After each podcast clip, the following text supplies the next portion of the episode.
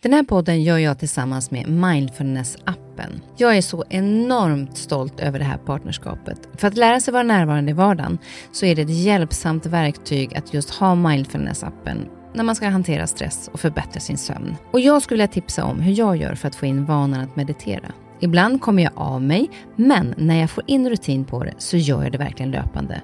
Och det jag gör då, det är att jag mediterar samma tid och på samma plats varje dag. Börja hellre med någon minut varje dag istället för en längre stund och kom in i rutinen och öka sen därefter längden på meditationen. Det har i alla fall funkat för mig. Så jag tycker verkligen att ni ska gå in och testa Mindfulness-appen för det finns så mycket att välja på där. Du lyssnar på en podd från Perfect Day. Jag har haft kontakt. Jag fick eh, faktiskt eh, nu bara för ett halvår sedan eh, skickade hon och eh, tolken i Vårna eh, bilder på henne. Och det verkar som hon mår lite bättre. Jag gjorde en uppföljning bara för några år sedan. Då var det väldigt illa med henne. Och eh, det är klart, då ställer man också sig frågan varför tar jag inte med henne hem och, och får bo hos mig i Sverige? Eller, Thomas som bodde på eh, den här eh, och badade i containern, soptippen. Varför tog jag inte hem honom? Jag tror att hade jag gjort det så hade jag fått sluta som journalist. I veckans avsnitt träffar jag den prisbelönta journalisten Janne Josefsson. Många känner till honom från hans grävande journalistik i bland annat Uppdrag granskning. Han har bland annat speglat klasskillnader, trafficking, till maktmissbruk för att nämna något. Janne har nyligen släppt en bok, Rädd för sanningen. Det gjorde han nu 2022 och det tillsammans med Mats Lärneby som har skrivit boken tillsammans med Janne. Där får man följa honom från hans sökande kring sin egen barndom genom livets väg i jakten på sanningen. Janne har ju en stor drivkraft i sitt jobb och verkar inte vara rädd för något. Eller är han det? För när det kommer till privatlivet och hälsan framför allt så är han enormt sårbar. Hur har han hanterat att granska så tuffa miljöer och inte låtit orättvisor påverka honom känslomässigt? Kan han släppa jobbet när han kommer hem? Och har han någon gång känt att han har skadat någon genom sin granskning så att han faktiskt har funderat på att sluta? Vi pratar även om hur han ser nu på livet efter att passera 70 år. Vad vill han nu? Känner han sig som en pensionär eller har han sin journalistiska drivkraft kvar och vill fortsätta jobba?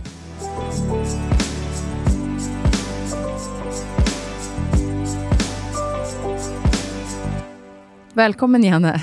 Tack ska du ha. Precis kommit med tåget. Ja, och för en gångs skull kom tåget mitt i prick, i tid. Ja, ja du var lite orolig för det innan. Du vet, när X2000 började köra mellan Göteborg och Stockholm, första veckan så fick vi 100 spänn cash för varje minut det var försenat. Nej. Jo, och det var nästan aldrig försenat.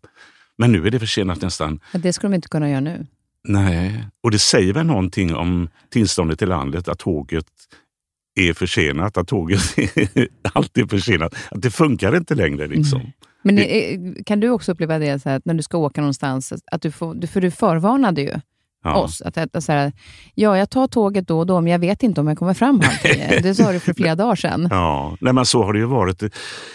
Det värsta, jag har varit med om så jävla mycket sånt där när det liksom stått. Det värsta var nog, eh, ja det var det, eh, när jag skulle ner till Göteborg. Jag skulle viga ett par. Det var en tjej som gifte sig som jobbade på SVT. Och jag har inget vigselbevis eller med sånt där, men det, de kan ju gifta sig sen och sådär borgerligt. Va? Och jag hade lovat dem och det var i, i Mölndal eh, i Göteborg. Då. Och så stannade det i Herrljunga och stod still och stod still. Och så kommer det, och det går liksom timmar. Och jag säger, jag, jag ska på bröllop. Kan, kan jag inte sätta mig i en taxi och åka ner eller något sånt där? Nej, men det, det, vi, vi får vänta lite. Och så kommer det ett nytt X2000 som bara går förbi. Och så säger jag till konduktören, men vi har ju suttit här nu en och en halv timme. Nu kommer det ett nytt X2000 och går, går bara förbi oss. Och då säger han, men förstår du inte?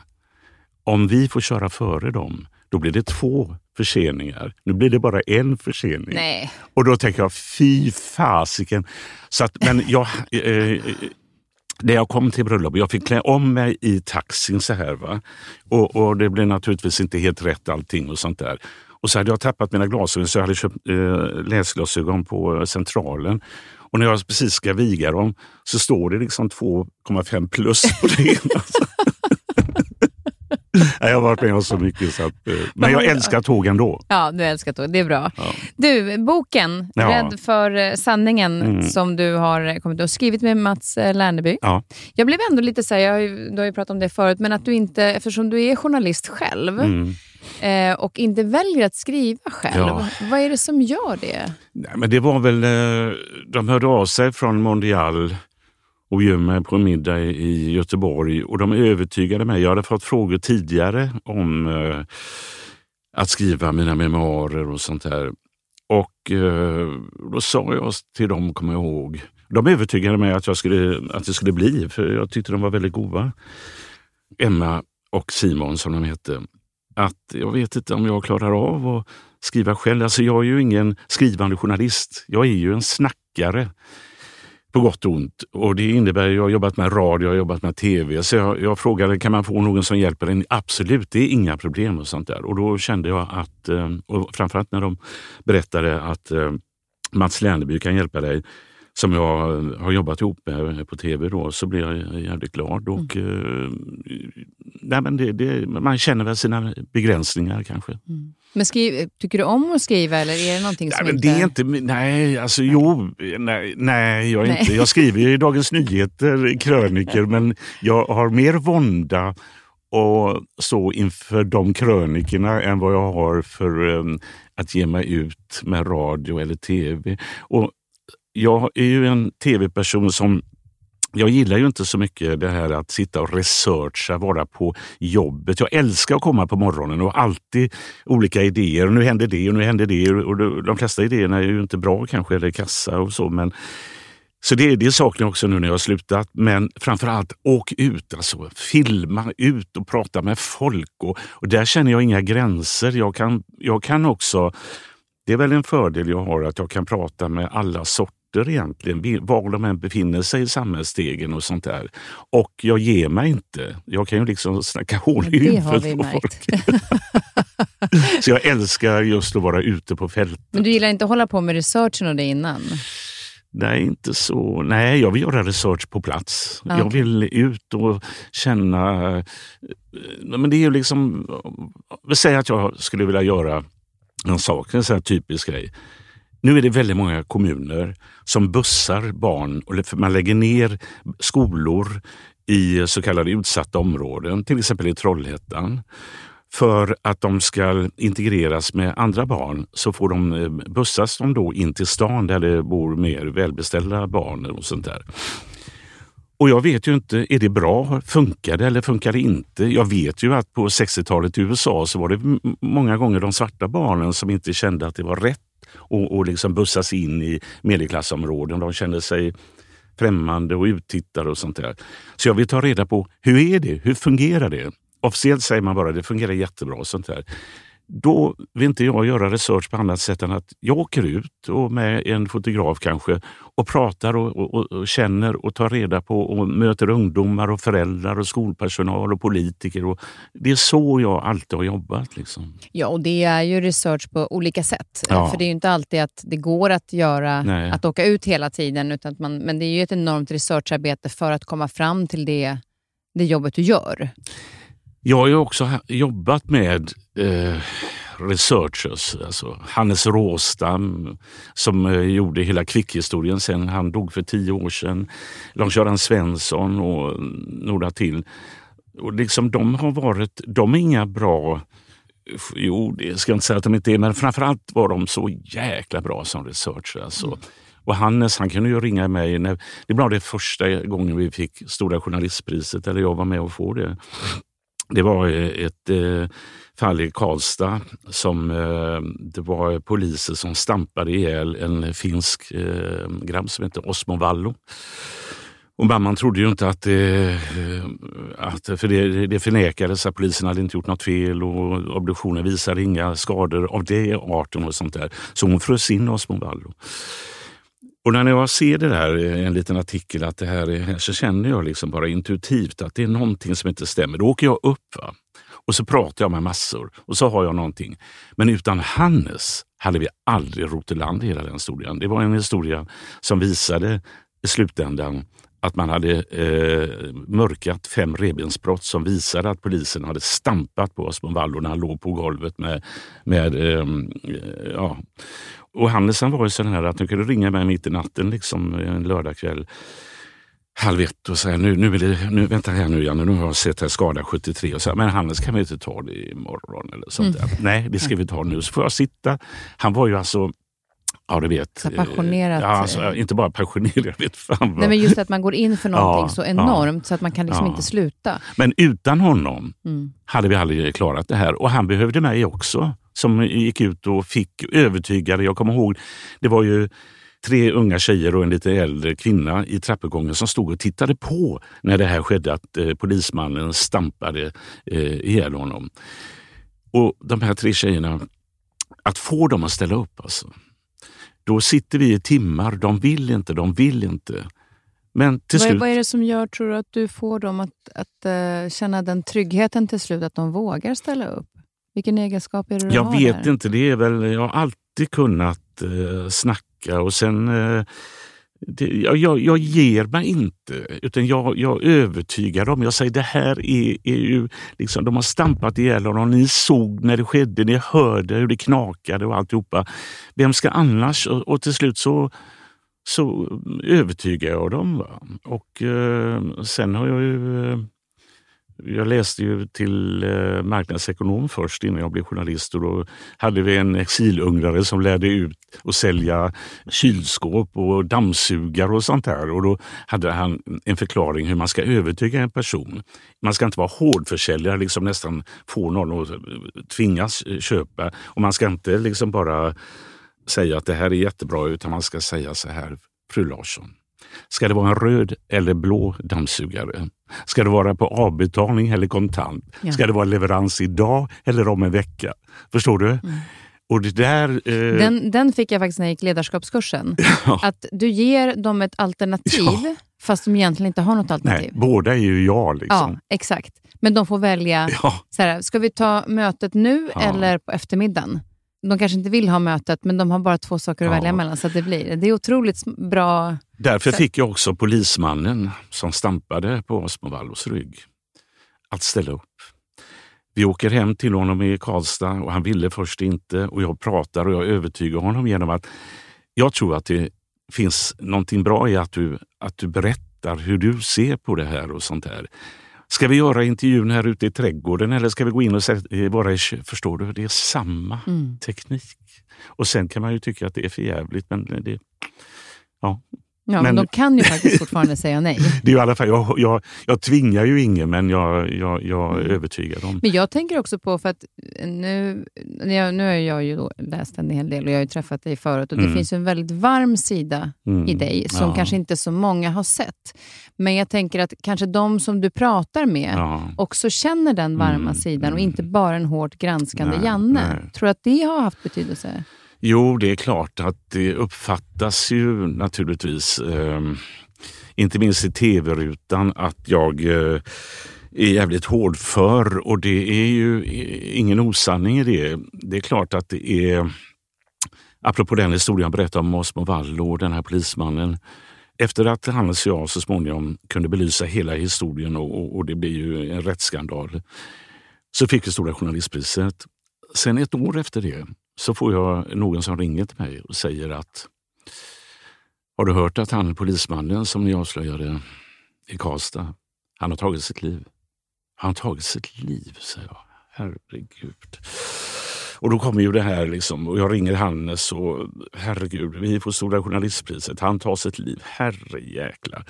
Men jag ringer och det tar en halvtimme för att få reda på att det, det var inte sant som tur var. Men det är ju ingen omöjlighet när vi sätter ansikte, namn på en person och anklagar den för att ha gjort ett sådant brott. Förstår du? Vad kände, så, vad kände du då? Nej, jag tyckte det var... Det är klart att eh, vi kan vara stolta över det vi har gjort men samtidigt, här, jag vet inte om det hade varit så att han har tagit sitt liv. Så um, vet det katten om jag hade fortsatt. Uh, jag vet inte. Jag har ju, han gjorde ju inte det och Eh, Eh, jag har ju fortsatt och jag, jag gjorde uppföljningar av... Eh, alltså vi har ju sån fruktansvärd makt och vi ska ha en makt men det är klart att vi kan gå för långt för vi ska, mm, så som boken eh, Rädd för sanningen, alltså vad är sanningen? Vi kanske ger en liten bild av en person. Och det är klart, det gör vi. Vi är ju inte helheten av att vara en person som har ett spektrum av känslor och fördelar och nackdelar och sånt där. Vi tar upp en person som kanske har fifflat och tjänat miljoner och så blir det bara det och man förknippas bara med det. Och för eh, några år sedan här så gjorde jag uppföljning av tidigare reportage. Och då eh, var det en person jag skulle ringa upp som också jag, Hannes Råstam, avslöjade att han, eh, han var arbetsförmedlare och han det var en, eh, en, en somalisk kille som kom fram till mig och berättade att eh, han eh, var på något som heter arbetsplatsintroduktion för invandrare. Och Den här arbetsförmedlaren förmedlade till restauranger och så fick han och hans fru käka gratis där. Va? Och så gjorde man upp om 1000 kronor eh, svart i, i månaden så kan du jobba 16 timmar om dagen. Alltså ett fruktansvärt övergrepp. Vi går in med dold kamera, har alltihopa och avslöjade honom.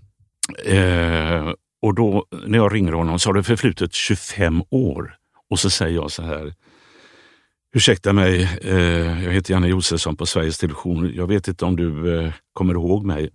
Om jag kommer ihåg dig?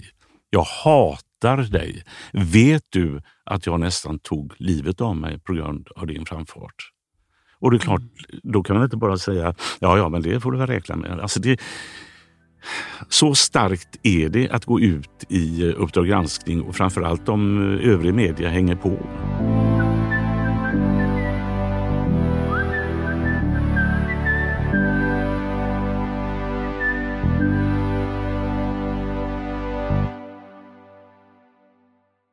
Men det verkar vara en otrolig drivkraft i dig just när det gäller den här grävande ja, journalist ja. journalistiken, att ta reda på sanningen. Och nu när man liksom har läst boken ja.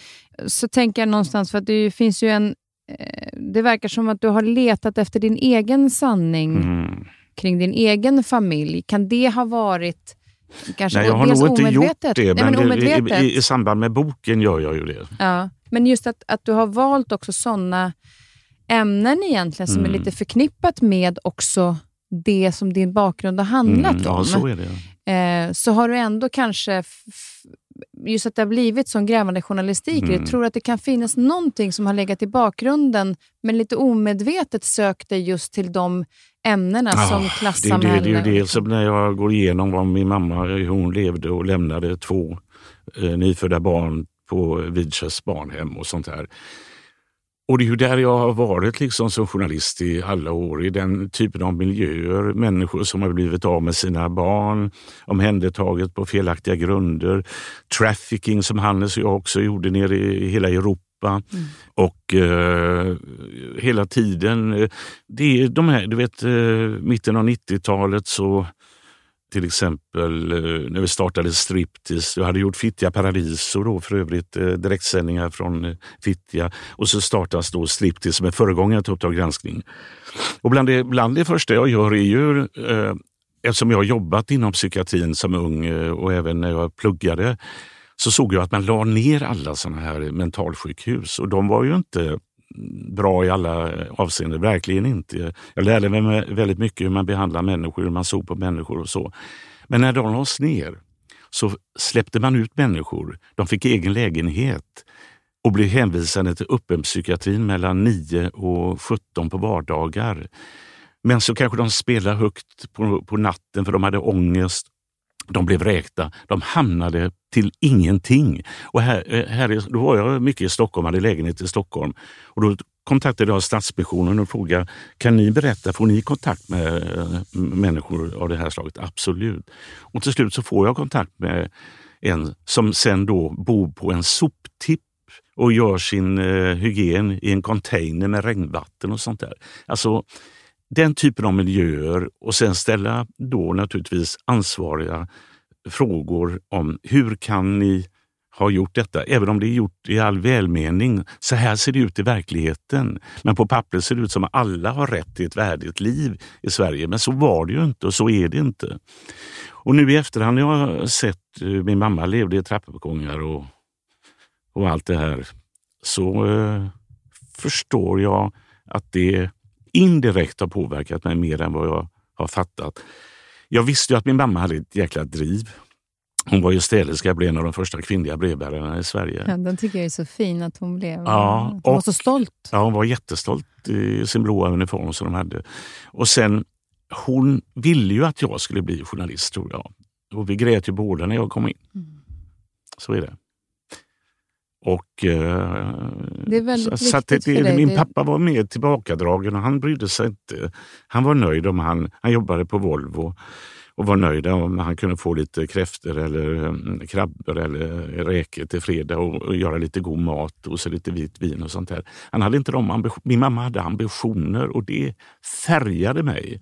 Du blir väldigt rörd så fort du nämner mamma. Ja, vad är, vad det är det som gör att det sitter... Jag, jag, jag, jag har väl lugnat ner mig lite grann nu, men eh, jag har ofta blivit väldigt rörd eh, eftersom eh, jag förstår ju att hon hade ett jäkla tufft liv. Mm. Hon skrev ju också, som jag hittade i källaren, eh, dagböcker som också finns med i boken och jag citerade. Och hon var ju väldigt stolt över mig. Det märker jag, men också rädd för vad som skulle hända. Hon skriver ju liksom, ja nu är vi nu har Jan, eh, Jan, eller Jan kan han mig naturligtvis. Eh, Jan har gått för långt, nu kommer han kanske få sparken. Och eh, jag och Lasse Brandeby körde ju i lokalradion på tidigt 80-tal. Det hände ju allt möjligt där på torsdagskvällar mellan 22 och 24 och det skulle hända allting. Va? Folk skulle bli glada, bli förbannade, bli ledsna, bli, skratta, gråta, allting sånt här. Och vi, vi utvidgade, man kunde ringa utomlands och allt möjligt sånt här. Eh, och pappa ringde mig någon gång och sa mamma, eh, du ska veta att eh, hon, får hjärtinfarkt här på grund av din framfart, liksom hur du håller på i radion. Hon tror att du ska få sparken. Jag kommer inte få sparken pappa, sa jag. Säg det till mamma. Och så där. Så att, men jag tror att hon i någon bemärkelse fick mig att bli journalist och att hon, jag fick bli hennes eh, efterträ, alltså, eller jag blev det hon skulle vilja bli. Så Mm. tror jag det är. Lite grann också för att ställa de frågorna som hon kanske inte heller hade möjlighet att ställa. Nej. För att du, du var ju eh, väldigt liten, ni var väl sex år eller sånt där, när du såg din mamma gråta då, när ni gick från social... Ja, ni skulle ut och det, handla. det, det ja, ja. Och där säger du att det gjorde väldigt starkt avtryck i dig. Ja, jag vet ju inte exakt hur gammal jag är, om jag är sex eller åtta år eller något sånt där. Men det är ju när hon ska ha hem min eh, bror som var då eh, småkriminell kan man väl säga. Stal bilar och även om det var... Eh, hon hade ju lämnat honom också. Och han hade bott på fosterhem och sånt där. Nej, då är jag med då, eh, hos socialen som det heter, socialtjänsten. Och mamma och jag sitter och väntar. Hon ska försöka övertyga den kvinnliga socialassistenten då att hon vill ha hem Jarl till jul åtminstone. Och, och, och, men, och då märker jag det här okänsliga som jag tycker, jag tar ju mammans parti där, att eh, ja, men fru Josefsson ska förstå att han är rymdbenägen och det går bla bla bla. bla. Och så eh, mamma börjar gråta hissen ner. Det är klart att jag minns det. Mm. Och det har nog också påverkat mig. Jag har gjort väldigt mycket om socialen. Det kan inte kanske förklara allting jag har gjort, men det kan heller inte, som det ibland, det kan heller inte förklena och, och ungefär som att eh, jag gör det här för att eh, revansch för eh, min mamma. Liksom. Att, eh, man måste ju se reportagen jag gör för vad de är. Är de bra? Är de felaktiga? Håller historien eller inte? Det måste vara avgörande. Jag kan ju inte gå in för att hämnas vad ni gjorde med min mamma. Liksom. Nej, men Men, precis. det är ju, men det, det är ju del som menar det. Men du har ju sett också hur det kan påverka en människa som inte riktigt Ja. får svaren. Ja. Alltså så här, och inte, som hamnar där. Du har ju sett hur det har skett och då tänker jag att drivkraften att andra inte ska behöva, Nej. eller andra måste få Mm. svar, eller andra måste få hjälp. Att det, du får den drivkraften, i alla fall så jag upplever lite grann, så att andra inte hamnar där Nej, mamma var. Nej, precis. Sen har ju alla sitt eget ansvar naturligtvis. Eh, Jag vet eh, mina två bröder, eh, den ene kände jag ju inte till, det var jag först för tio år sedan jag lärde känna, eller hörde, han ringde ju upp mig. Och båda de, en lever ju, jag lever ju inte längre. Han blev ju också förd till Salberga och blev steriliserad på grund av sin kriminalitet på 60-talet.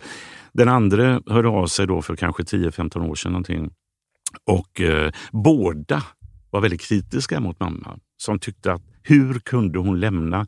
Du, du vet, hon födde sitt första barn på ett ställe som heter BB i Göteborg för obemärkta kvinnor eftersom hon inte var gift va? och fått barnet utom äktenskapligt.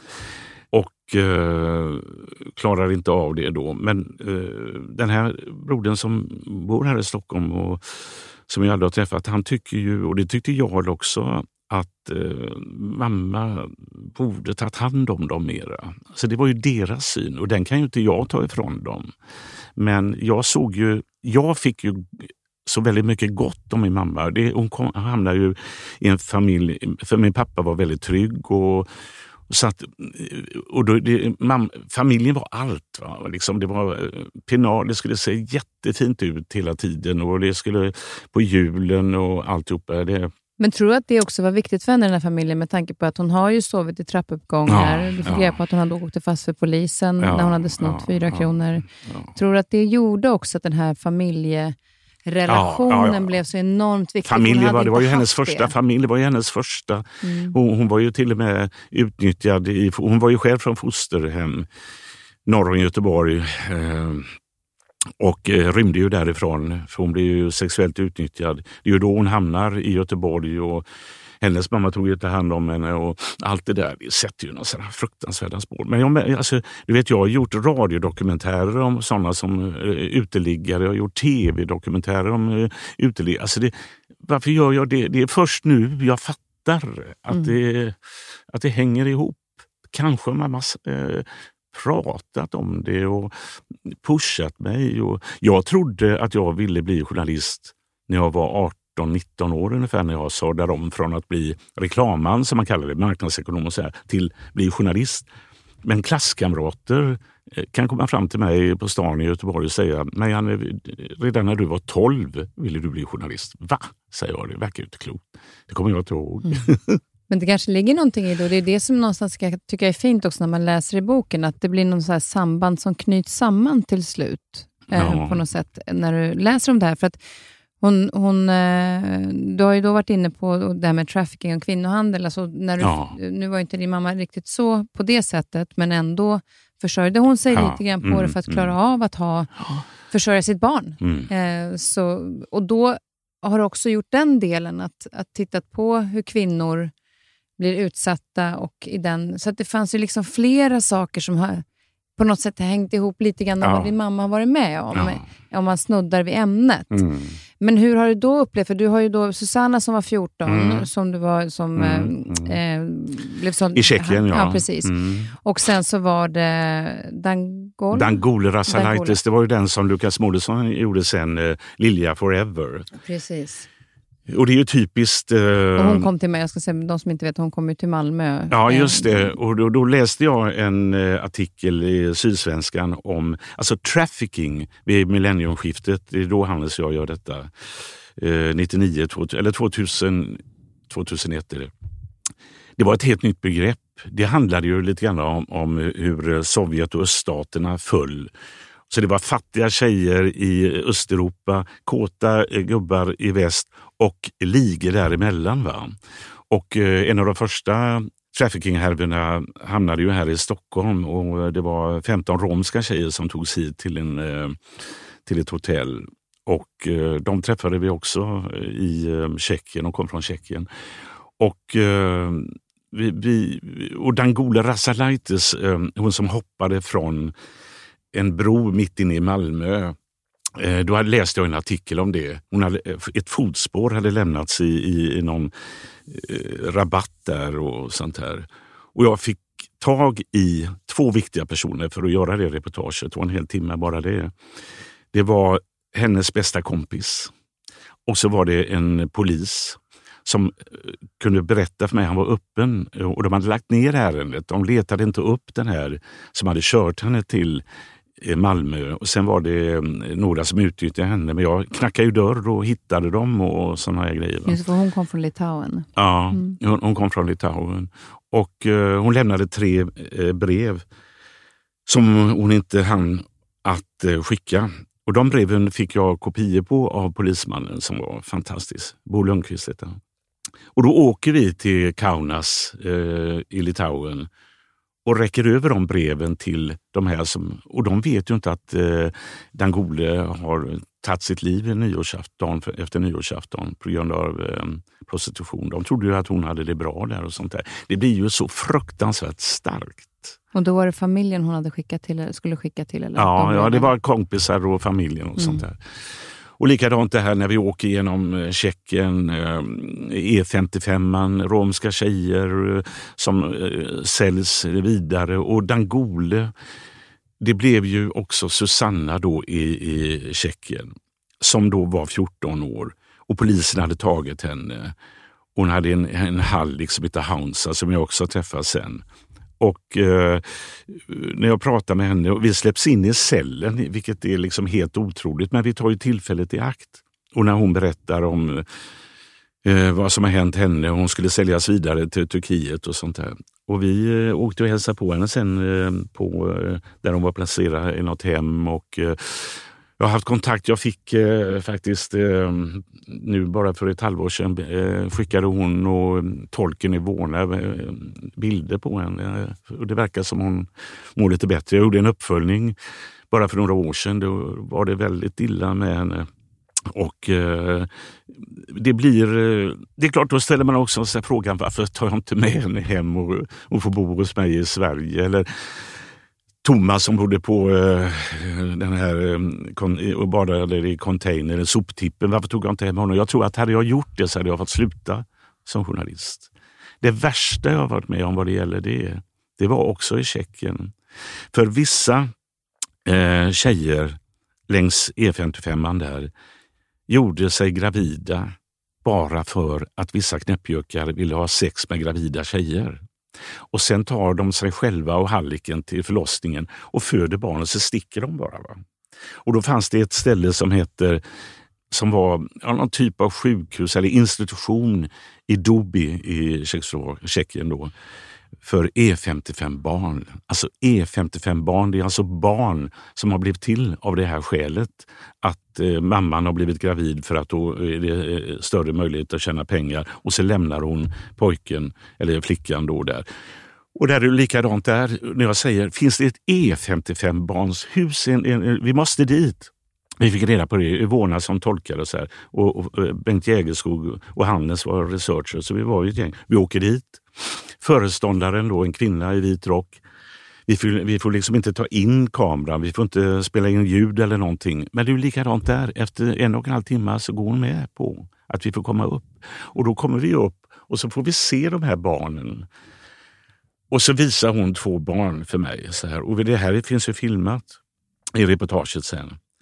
Den här pojken tror jag vi kan få att någon adopterar honom någonstans i Västeuropa eller så. Det tror jag. Men inte den här, det går inte. Så visar hon upp den pojken.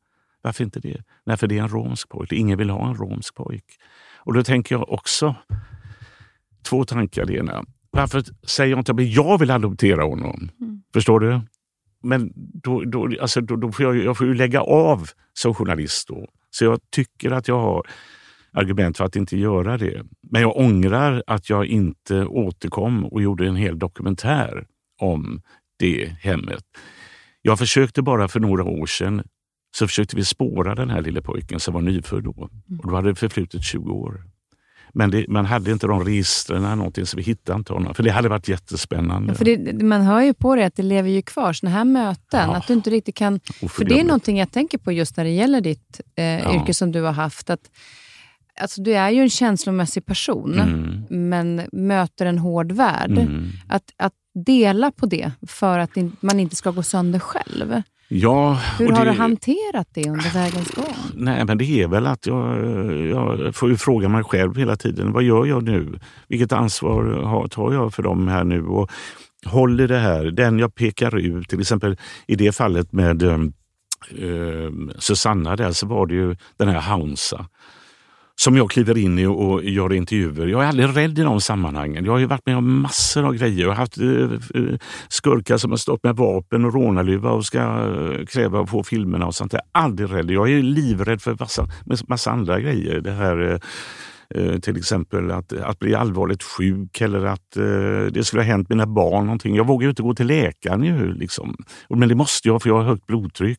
Och jag var ju där nu livrädd bara för en kort tid sedan och då så gör, tar de en massa prover. Och det är, annars får jag inga tabletter längre. Va? Och så tog de prover och sen hör läkaren av sig och jag ska komma dit och jag gör så här liksom, och så säger hon det är bra resultat, Janne. Och du har gått ner i vikt och blodtrycket har gått ner. Så jag springer ut i, i vårdcentralen bara så här. Genom, det sitter fullt med folk där.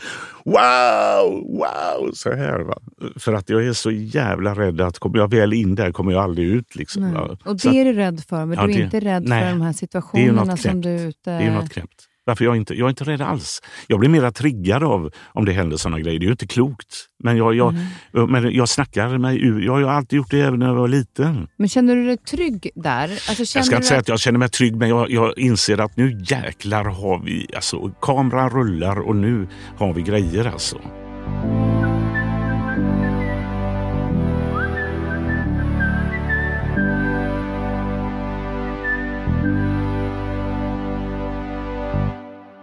Men just när det gäller de här olika, det är ju, eh, de här olika ämnena som mm. du hittar, hur mm. det kommer sig att du bestämmer dig för till exempel maktmissbruk. Mm. Där har det också varit mycket eh, och granskat väldigt mycket. Vad är, det som, vad är det som gör att du till exempel då, maktmissbruk, får igång det här måste du kolla? Är det en specifik händelse eller en specifik person? Eller vad är det som gör att du hittar det, det väl, du går igång på? Eh, jag kan väl säga att det som jag tycker är värst om, och det är inte bara i mitt yrke utan även på ett personligt plan, det är folk som förställer sig. Som gör sig till andra än vad de är. Eh, det vill säga de påstår att de är så härliga personer, så givmilda, så generösa och sånt där. Medan jag kanske vet eller förstår eller få tips om att de är precis tvärtom. Sådana människor finns det ju och de har jag väldigt svårt för. Medan många andra journalister de tror ju på... Eh, alltså jag har ju velat vara journalist där eh, de andra inte befinner sig. Jag vill, jag vill, du vet det här eh, pojken som tappar eh, nyckeln och så kommer någon och frågar varför står du här och letar? Jo, jag har tappat nyckeln. Var det här du tappade den då? Nej, men här är ljusare. Va? Jag vill gå in i områden där all, för journalisterna går i flock.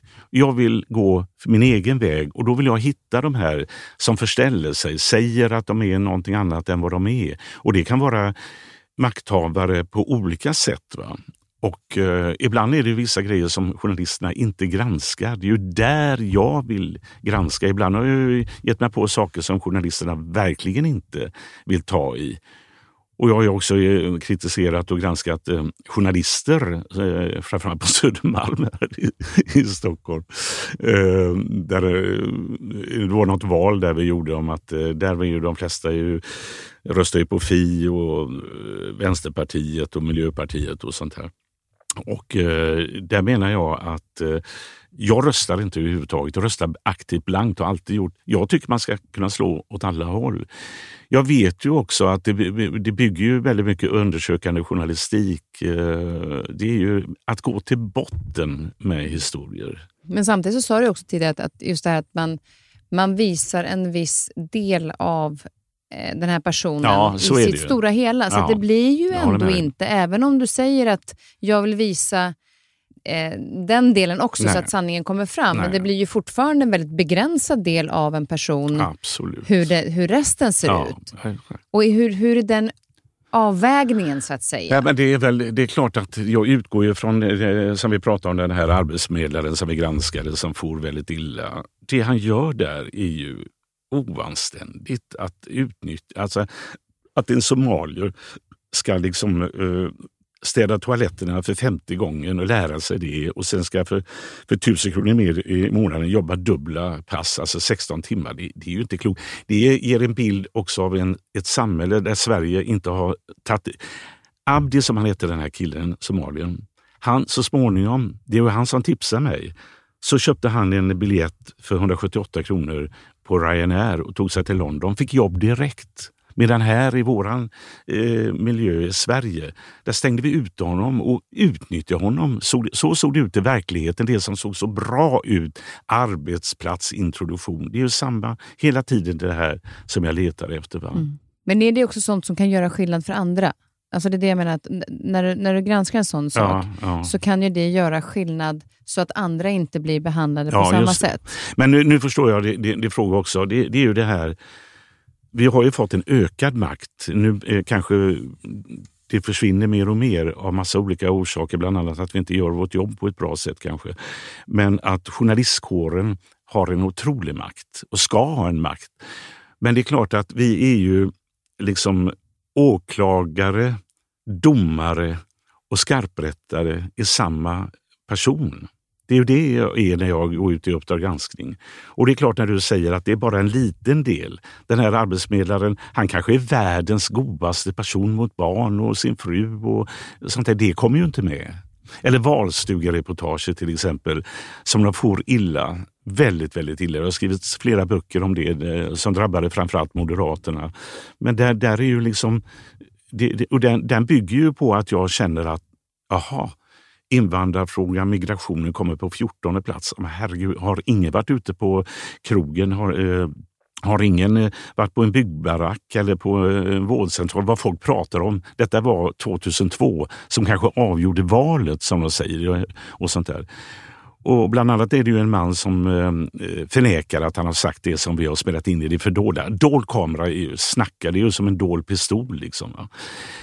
Och då säger han ju saker som han sen förnekar när jag mm. kommer fram till honom. Och han till och med eh, förnekar så att, eh, om jag säger men du kan ju se dig själv här. Du har ju samma hawaiiskjorta på dig och sådär. Ja, men det är inte jag, säger han. Men snälla, du, är det inte, alla säger ju att det är du. Alltså det är ju en sån kollaps. Alltså han är ju, kan man säga, i ehm, eh, chocktillstånd. Och då är ju frågan, ska jag visa en människa, visserligen en politiker, han var rätt högt uppsatt in, i den kommunen i alla fall. Ska jag göra det? Eller ska vi ta hänsyn till honom som person där och inte sända valstugereportaget?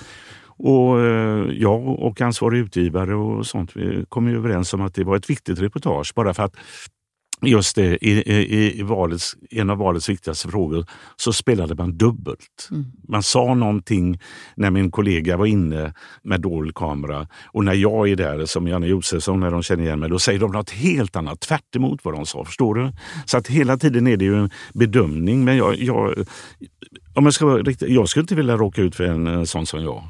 Nej, jag tänkte på det, om, du skulle, om, om vad som skulle hända. Jag vet att du i ditt sommarprat ställde frågor till dig själv. Men, men, nej, men, men hur skulle du eh, uppleva den känslan ja. av att någon går på dig så hårt? Vilket... Jo, men det har, det har det förekommit att det finns folk som har gått på mig hårt. Men om jag skulle råka ut för att eh, liksom helt eh, Ja, det som jag ut, eh, utsätter andra för, eh, det vill säga avslöjar att de ljuger eller att de har gjort uh, grejer som de förnekar och sånt där. Det är klart att uh, om, om någon skulle råka illa ut då, det är det väl jag. Mm. Och det, det, är klart att det... Men så tänker jag väl å andra sidan också, om man, om man inte hade ljugit så hade man inte blivit utsatt för det heller. Nej. Eh, sen blir det ju väldigt eh, stort utav det. Ja, eh, av, ja, ja. Och alla kan ju väl göra misstag, men man behöver inte ljuga vidare. Men, men att det finns ju en anledning till att du går på dem. Mm. Eh. Nej, men det är också det här att eh, med dold kamera. Jag har varit över i USA och diskuterat väldigt häftigt med amerikanska kollegor, grävande journalister. Redan 99 var jag i Miami på såna här eh, grävande journalister och sånt där. De använde dold kamera i tid och otid tyckte jag. Liksom. De hade liksom inga spärrar alls. Och då i den stunden, kommer jag ihåg när jag stod på min Eh, knackade engelska liksom, eh, och debatterade mot dem, några av dem, så, så formulerade jag för mig liksom att vad, vad, vad, krävs för att jag ska kunna använda dolkamera som är liksom eh, eh verkligen ett tufft sätt att jobba som journalist? Jo, det ska vara det vanliga sättet eh, att komma fram öppen som journalist och säga det här är Janne Josefsson, får jag komma och hälsa på dig. Det funkar inte. Vi kommer aldrig åt det då. Va? Det andra är att det ska handla om någonting som har dignitet. Liksom, man avslöjar. Det kan inte vara att liksom, pizzagubben där jag bor, att han har gammalt mjöl eller någonting. Det måste vara en dignitet det vi avslöjar. Och för det tredje, personer i maktpositioner. Det var det man såg i USA. att där sket de med det. Det kunde vara någon, eh, jag kommer ihåg de, eh, någon till med dold kamera jagade någon tandlös eh, svart kvinna som var berusad och körde bil. Visserligen för jävligt men det skulle jag aldrig göra. Mm.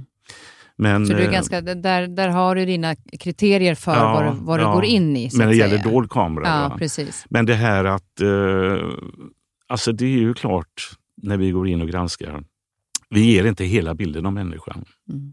Det, det, det, är, bara, det är tänk, nästan omöjligt. Jag tänker också på det här du pratade om då med valstugorna, där, att det var så här dubbelt. Ja. Eh, samtidigt så pratar du också om i, i eh, det var sommarprat, nu har lyssnat på så många olika, men det, men det här med public service till exempel, mm. att man skyddar vänstern. Ja. Att man säger det, det blir ju också dubbelt. För att utåt bra. sett så ska man ju vara eh, blank, Ja. som du säger. Vi får inte mm, liksom mm. stå på någon sida. Eh, men innanför huset mm. så skyddar man vänstern på något sätt? Ja, det har ju varit, alltså du vet när jag började eh, flytta upp här till Stockholm. Jag vet inte hur det är nu ska jag säga, men då när du, det du berättade ja. i sommarpratet. Ja, just det. Men... Jo, men alltså när, när jag flyttade upp till Stockholm då 80, eh, nej 76, 77 flyttade jag och min dåvarande, eller vi var inte gifta då, men det, vi, vi gifte oss sen. Alltså det var ju en tid av, eh, det var samhällsredaktionen på Sveriges Radio då. Och där väldigt, väldigt många var ju kommunister. Jag var ju radikal, men jag var inte kommunist. Jag var ju liberal och blev... Eh, jag gjorde eller var med och gjorde Liberala studentförbundet till frihetliga, frihetliga vänster och frihetliga socialister och så. Men just det här att... Eh, just för att vi, eller redaktionen och väldigt många chefer var kommunister. Vänsterpartiet kommunisterna och en del var SKP, men framförallt Vänsterpartiet kommunisterna så eh, jag har ju haft chefer på SVT som har sagt liksom, men vi ska aldrig granska Vänsterpartiet kommunisterna, Janne, för de vill ju något gott och sånt där. Och då har jag sagt, men så kan vi inte säga. Och när jag gör, eh, jag är ju en av dem som har gjort det, Vänsterpartiets mörka historia med Åhli och Werner och alla de här. Men för, för jag tycker att, och då tidigt då, 78, så är, får vi komma till Sovjetunionen och ska sända radio direkt ifrån Leningrad, heter det då, Sankt Petersburg heter det då. Och där Putin hade gått ut eh, eh KGB-skolan och jag har gått ut Journalisthögskolan och sånt här. Och där korsas våra vägar och vi stoppas. Bara för att vi, jag accepterar inte att eh, den som tolkar för oss tolkar fel. Jag hade några svenska tjejer eh, som var i Leningrad där då, som frågade, får ni besöka andra länder? Tolken eh, översatt får ni besöka andra socialistiska länder. Det är ju något helt annat. Och det berättar jag i reportaget. Elton John låg på hotellet som vi låg på. Jag tog reda på, jag och min kollega tog reda på vilka ungdomar får gå och se på Elton John. Det var ju bara parti, eh, höga partifunktionärer och sånt där. Och eh, det gjorde ju att vi stoppades. Det var antisovjetisk propaganda. Och eh, jag smugglade in, eh, försökte smuggla in eh, radioprogrammet i en cigarettpaket och så eh, programsekreteraren britten, hon hade blivit färdigvisiterad så vi fick in det i hennes eh, necessär. Hon svimmar ju sen när vi är på eh, Arlanda när hon får reda på att det var i hennes necessär jag hade mm. Men, och Putin var ju där och var ju med och gjorde de här grejerna. Att han, eh, det var ju mikrofoner i väggar och allting. Men då var det också sådana här resonemang på redaktionen. Men Janne, varför, varför, vi har blivit inbjudna till Sovjetunionen så öppnar du skåp som de inte vill visa. Eller de vill, ja men, va? Hur kan ni resonera så? Ja men det här gynnar ju bara borgerliga intressen det du gör nu. Jaha, vem det gynnar eller missgynnar ska vi liksom ta hänsyn till det. Och på senare tid har det ju varit så här att ja, men det här ska vi inte göra nu. Det vill säga till exempel fusk inom LSS eller eh, eh pengar. Eh, eh, det var ju eh, vissa som eh, sina redan begravda mammor fick de pensioner för månad för månad och sånt där. Det här gynnar ju bara Sverigedemokraterna. Jaha, så vi ska inte göra det då? Nej, för det gynnar Sverigedemokraterna. Det är där jag är allergisk mot. Eftersom jag, jag vill slå åt alla håll. Man kan, inte, man kan inte säga det. Men jag har ju aldrig hört någon säga men det här är inte bra Janne. För det här kommer att gynna Miljöpartiet. Men jag tänker eller- just att ha en sån arbetsgivare, alltså att jobba i ett sånt, eh, när du ser att det sker Ja, där, mm. samtidigt som de tycker att det är okej att du gör andra saker. Mm. Hur, hur har du kunnat förhålla dig till det? För du Ja, men de har inte kunnat styra mig på det sättet och det, det är ju inte så. Jag har haft väldigt bra, till exempel eh, Nils Hansson på Uppdrag granskning, han resonerar inte så, men andra har eh, inom redaktionen och andra kanske och sånt där. eh, Det är ju ingen tvekan om att det har varit ett sådant klimat. Jag har inte accepterat det, utan jag har gjort, eh, men jag har fått väldigt mycket kritik när jag till exempel eh, när man talar om att eh, det fanns ligor som styrde de romska eh, som eh, eh, satt och tiggde eh, utanför affärer och sånt där. Va? Det skulle vi inte göra tyckte någon för att eh, det gynnar ju liksom bara också det är Sverigedemokraterna. Och sånt där. Men, och då är det återigen Eftersom Hannes och jag hade varit i hela Europa och såg de här romska bossarna, vi såg också att de hade egna rättegångar, romens kris och sånt här. Så menar, stod jag ju på mig att vi, vi ska göra, hur är det egentligen? Och vi kunde ju visa till exempel som vi gjorde att eh, eh, alltså funktionshindrade romer utnyttjades, satte sig eh, och tigga och eh, andra tog pengarna och sånt där. Ska vi inte berätta det? Eller när jag gör om det romska lägret, ska vi inte ställa tuffa frågor när, det, när de bodde där och eh, det funkar inte? sånt där. Att inte våga ställa frågor till dem, det är ju ungefär som att de är mindre, de kan man inte prata med, de kan man inte få de frågorna. Det är människosyn som inte jag ställer upp på. Jag, jag ska kunna ställa frågor. Här har, här har kommunen satt upp fem toaletter, det är ockuperad mark. Varför, ser det, varför står folk och pissar och skiter utanför? Alla som vis, när vi visar de bilderna eh, ställer ju sig den frågan och att då som journalist säga men den vill inte jag ställa för det skulle vara förnedrande. Det där ställer jag inte upp på. Och det, det, jag, det kokar i mig när jag tänker på hur, eh, att man inte får göra den typen av reportage. Vår eh, motsvarighet till Uppdrag granskning i Norge som heter Brännpunkt, de kollade en utredning som Oslo universitet hade gjort som alla här i Sverige hänvisade till. Det finns ingen kriminalitet vad det gäller romska tiggare. Då visade de att den undersökningen på Oslo universitet den hade gått till på det sättet att forskarna hade bett studenter att åka till Köpenhamn, Malmö, Göteborg och Stockholm och gå fram till tiggarna och fråga är du en del av en kriminell liga? Alltså, förstår du? Ja. Och så får man ett resultat att det finns ingen kriminalitet. Det, att, att det kan fungera så liksom, eh, bland journalistkåren i det här landet, det gör mig mörkrädd verkligen. Och Ja. det triggar mig att ta, våga att ta upp den typen av eh, frågor. Man ska kunna ställa sig där andra inte är. Och då, då tänker jag också så att det heter ju public service Ja. på något sätt. Ja. Eh, Jag älskar public service. Ja, och det är ju jag med. Ja. Så att jag blev också kanske har förstått att in- inom olika medier, också så här, man sett i USA, att vilka som Ja. Fox News, att det, är, Ja. att det är riktat såklart åt höger eller vänster. det har man ju mm, kunnat se. mm, mm. Men jag vet ju själv, jag jobbar på Nyhetsmorgon, hur viktigt det var Ja. att du får aldrig, liksom, som journalist får man ju aldrig visa någon tanke på Nej. åt vilket håll man går och om man är blank. och det liksom, Men att det bakom där sker ändå så pass mycket styrt Mm. Ja. Oavsett om det är public service eller andra medier, men det är ju någonstans. Och det tycker jag, när man går ut och granskar andra, Mm. varför granskas inte det? Ja. Och det, då får de som vill public service illa, som vill att public service ska läggas ner eller eh, bli någonting inte alls så betydelsefullt som det är. Då får de vatten på sin kvarn. Då får de argument att de som vill det illa, att eh, titta här, här finns de. Det är, ju- det, är ju, det är ju det som har skett i stort i Sverige. Att man har blundat, man har nekat till en utveckling med de här olika områdena som idag i stort sett de så kallade utsatta områdena befolkas av folk från, eh, alltså som har immigrerat hit och invandrare. Vi vet ju att det är så. Och eh, eh, jag vet inte hur många reportage jag har gjort att det här är inte bra den här segregationen. Det blir inga möten, folk blir rädda för varandra och det e-, e-, eskalerar. Jag har gjort mycket om de här kriminella killarna i förorten och vet hur de har resonerat och sånt där. Och liksom eh, när jag gjorde om Fittja och jag gjorde också om två pojkar som var 11 år på eh, millenniumskiftet som jag möter sen 20 år efteråt. Jag ser vad det är som gör att de blir kriminella. Och Vad skulle men, du säga att det, ja, men det alltså är? Det, det, är, det, det, det är ju många av de här i, de, i dessa områden, framförallt killarna. De har liksom, eh, vi gjorde undersökningar i Rosengård i Malmö, Uppdrag granskning. Väldigt många eh, gick ut utan eh, fullständiga betyg.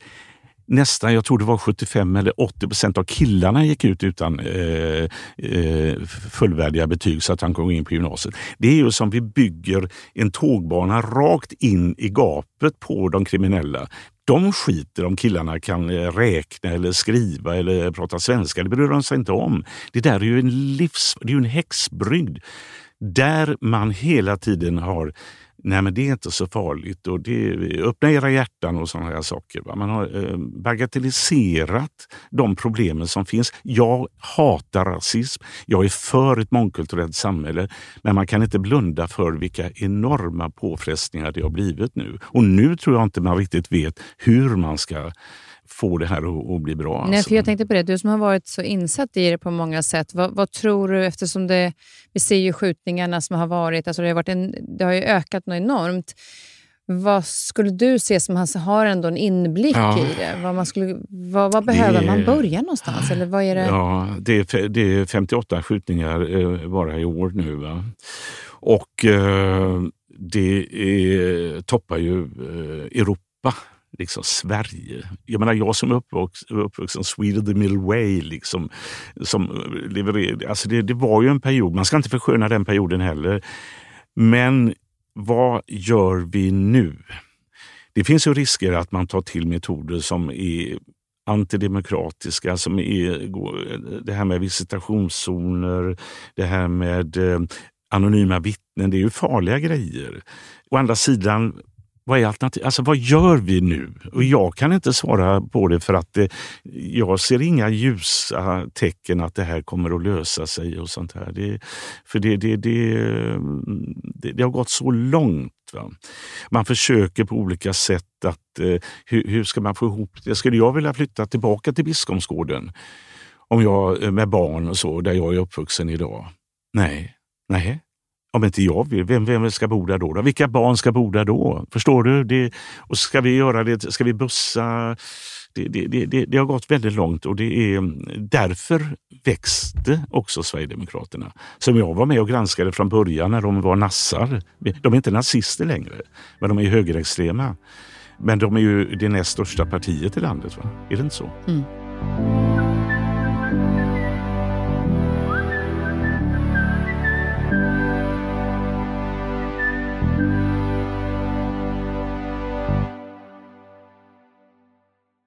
Men jag tänkte på eh, när det gäller det här med att, att komma till, liksom, göra någonting åt det här. Ja. Så kan jag, jag vill ändå alltid försöka se att det finns mm. ett hopp. För, ja. Och framförallt just nu när det är så mycket mm. skit som händer mm. runt om. Så kommer jag ihåg det här man hade i New York när det var så här, mm. broken glass, tror jag ja, de kallade det för. Att det var nolltolerans mm. på, även om det bara, bara är ett skyltfönster mm. som krossas. För då var det en enorm kriminalitet där. Och jag var ju i Manhattan innan det skedde och efteråt Alltså innan det när man var kring 42nd Street och sånt här när jag var som ung. Då, va? Det, det, man vågade ju knappt gå där. Det, det, var ju farligt. Det var ju bordeller och det var knark och allt möjligt hela tiden. Idag, sen flera år tillbaka, så är det rätt trygga. Ja, man känner ju att man är så trygg så det finns inte på Manhattan. Till, och till och med och i Bronx och eh, eh, Harlem och allt möjligt sånt här. Och det De gjorde ju väldigt på. aktiva grejer. Satte universitet i Harlem och såna här saker. Ja. Och det är det jag tänker på, att det går ju att förändra. Ja. För har mm. de lyckats med någonting sånt ja så måste vi ja. ju också kunna lyckas. Absolut. Förstår du vad jag menar? Att ja, man absolut. tittar utanför gränserna. Ja. Vad har andra gjort mm. för att kommit mm. Dit de mm. är idag? I USA kan man ju se att det är väldigt, om man, till exempel i Kalifornien eller New York eller vad som helst, så är det väldigt segregerat. Till exempel, om man tar Los Angeles, asiater, det bor väldigt många asiater, men de bor för sig. Va? Mm. Men de klarar sig, de har jobb och de, de har en stolthet. Här har vi satt dem där liksom, det funkar ju inte. Men det är ju som du säger att eh, vi måste ju titta på hur gör vi detta då och vara försiktiga så att vi inte går för långt. För att i just det där man säger, ja, jag kan förstå visitationszoner och det kommer ju vara den, den här typen av eh, områden. då. Danmark har ju det också. Så här. Men det är klart, om, om, jag vet ju då när jag gjorde om Fittja eh, vid millenniumskiftet så sa polisen då vi ska återta territoriet, sa man då. För det hade redan då börjat. Idag är det värre än vad det var då. Men då vet jag, många av de här killarna framförallt, då kände de att det går inte en dag nästan utan att de visiterar mig. Då kände de sig ännu mer nedtryckta och går ännu mer in i, i un, under jorden. Förstår du? Så att, Mm. att det är inga lätta grejer men de, gjorde, de lyckades verkligen det i eh, New York. Där. Det är ingen Ja, jag tycker det. någonstans att det är så viktigt att lyfta dem där, för vi, vi lyfter oftast det Ja. som eh, jag vet när det var det här riots i LA för många år Mm, sedan. mm. Eh, och då när det var med svarta poliser och det Mm. eh, I kaos. Watts i Los Angeles Exakt. till exempel. Och eh, då pratade jag med min eh, California-mamma Mm. några dagar senare så säger hon det är helt fantastiskt Kristin, för man ser att svarta och vita hjälper till Mm. att bygga upp fönsterglasen, de reparerar och Ja. så här. Och jag bara, det där ser inte vi. Nej. Vi ser ju aldrig, Nej. eller aldrig ska jag säga, Mm. men väldigt sällan, Nej. hur man gör lösningen på en konflikt. Alltså att, Mm. man, att de faktiskt samarbetar Mm. ganska snart Mm. efteråt, utan vi ser konflikten, Mm. punkt. Mm. Och nu ser vi bara, vi hör bara de här negativa sakerna. ja. Men om man kan blicka framåt, så här, men USA, de lyckades med det här. New York lyckades med det här. Hur kan vi nå dit? Vad kan man lägga upp för plan? Och ta det som ett exempel.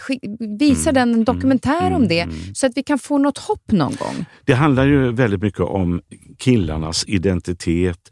Om man kan ge dem en förhoppning att komma någon vart utan att gå in i den kriminella världen som är liksom det här, du får stålar, du får brudar, du får bilar, du får alltihopa det här. Va? Och till och med i den miljön skjuter man ihjäl varandra för eh, både det ena och det andra. Om man kunde få liksom så här att, ja, det gick inte så bra för dig i skolan, men jag, menar, när- jag går förbi, jag har gjort också en skuggsamhället här i Stockholm, till exempel bygg, eh, byggen. Det är ju folk som kommer från andra länder och sånt där. Det ju, pratas ju nästan ingen svenska alls. Man vet, de säger att de kommer från kanske eh, Polen, men de kommer egentligen från Ukraina eller ännu, och du vet, och sånt där. Och de betalas kanske efter halva priset och sånt där. Va?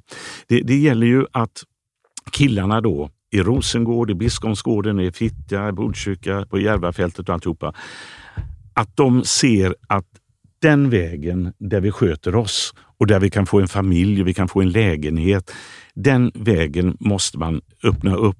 Men man, när man gjorde det, det så krångligt att det skulle vara gymnasie och högskolekompetens när man skulle bli en snickare, så tog man ju bort det alternativet för dem. Man måste se, bli snickare istället för att bli liksom en som... Och, och, och det, det, det krävs eldsjälar, de finns. Ja, det gör de verkligen. Jag Men- jobbar men- med Svenska men- hjältar Ja, och där är jag ju Ja. jätteglad över att få se ja. att det finns de här eldsjälarna runt om och många fler än dem. Men vi behöver se dem också. Vi behöver se att det sker.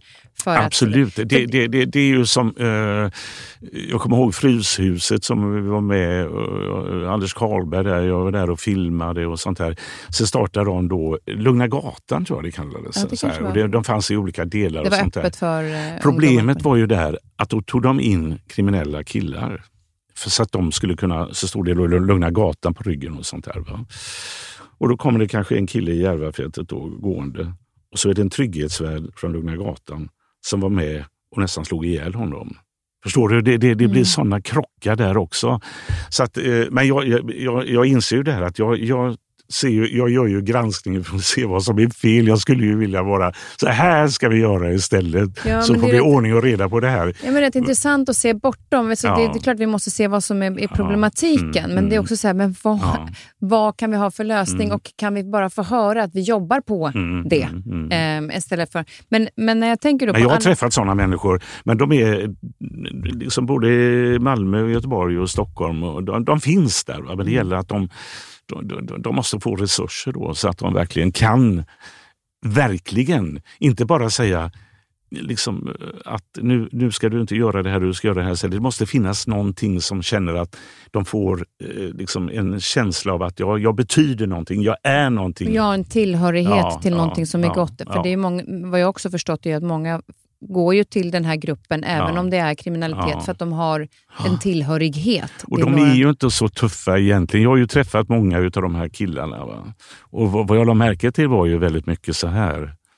Man kunde sitta i en bil eller någonting, så ringer mamman. Vet du. Och de som har liksom varit tuffa och sånt här, och så ringer mamma. Då får de en helt annan röst. Ja, Hej mamma, ja, ja, ja. Alltså mammorna är viktigast av alla, det märker man. De är, papporna är ofta frånvarande. Väldigt många somaliska familjer har varit inne. Jag vet inte vad papporna är, det är kvinnor och barn. Liksom. Och det är ju också viktigt att de får manliga förebilder som är bra, som är, betyder Och det någonting. är det, där de hamnar med de här Ja. manliga förebilderna i Ja. de här kriminella gängen som inte är bra.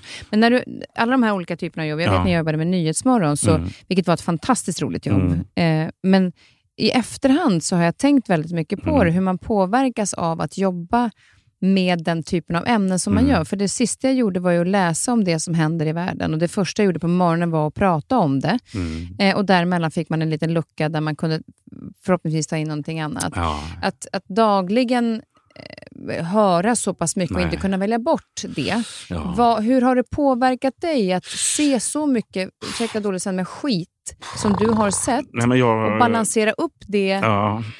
Jag kan väl säga så här på senare tid, nu med kriget i Ukraina och så tänker jag just också på min yngste son.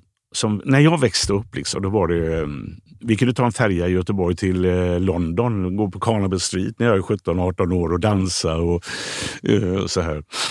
Och vid något tillfälle så hamnade vi på bordell, kommer jag ihåg. Vi visste inte vad, vad bordell var. Och, jag, och de lurade oss på drinkar. Så jag går till polisen eh, och säger det, det är en bordell det här. Och så här, de bara skrattar åt mig. Och så här. Nej, men alltså, allt var möjligt. Allt var möjligt. Nu är det liksom varje dag. Hur blir, blir det världskrig? Blir det kärnvapenkrig? Ska jorden gå under? Kommer vattnet att dränka hela västkusten? Eh, eh, Pandemin, alltihopa det här. Hur påverkar det våra ungdomar? Det, det är ju verkligen så. Så det- jag, jag kan, jag är nog eh, sämst på att svara på frågan hur, eftersom jag... Nej, men jag tänker på när det gäller dig, att, Ja. att hur du lyckades ändå...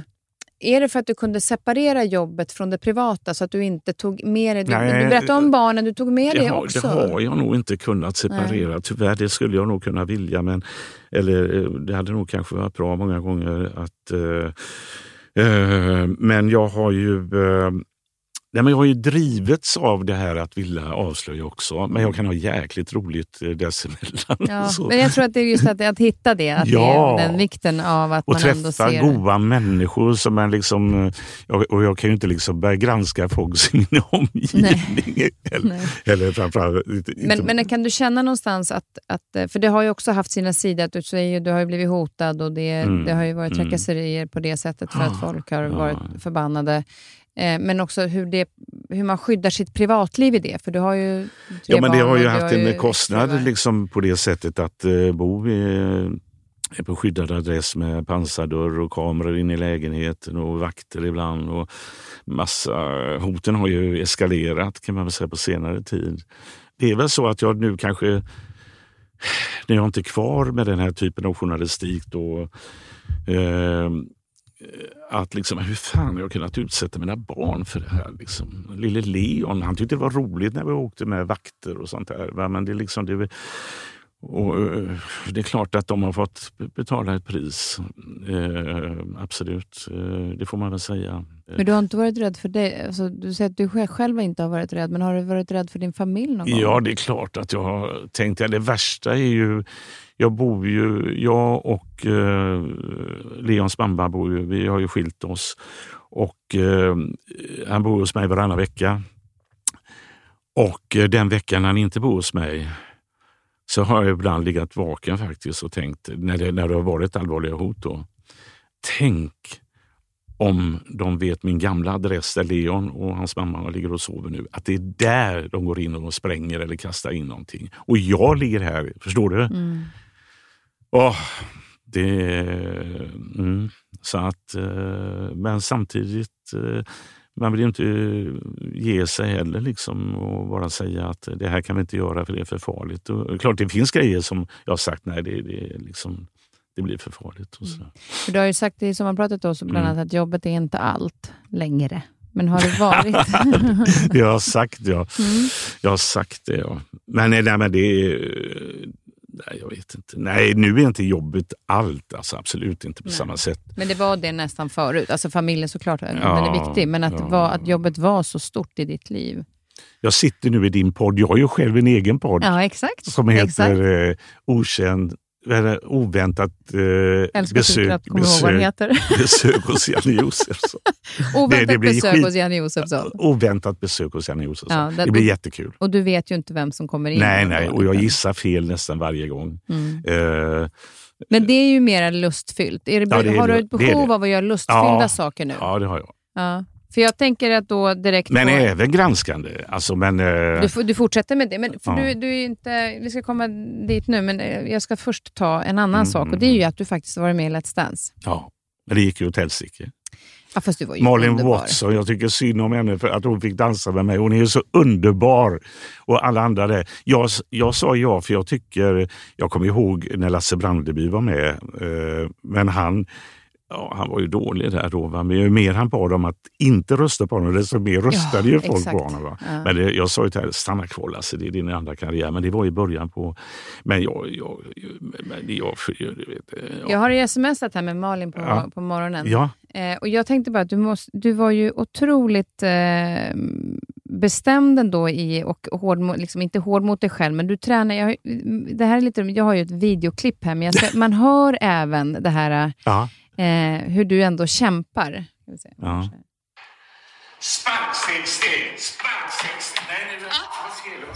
Du säger rätt, men gör... Ja, säger rätt. Absolut. Ja. Är du och sådär. Yes! Spark, steg, steg. Spark, steg, steg. och du vet, som du kämpar. Malin skickar massor med kärlek. Ja, Malin, nej, men alltså... Ja, nej, men alltså, hon var ju helt otrolig. Jag sa ju så här, kan vi inte ta en fika nu? Då? Och när jag fikade så står hon och gör stegen så här. Vet du. Ja, ja, just det. Ja, det och det är ju sån. Och, men hon är fantastisk. Ja, det, men hon sa det också, för att jag sa det att jag sitter och väntar nu på Janne med lite bullar och så. Bra, men han fikar gärna väldigt länge.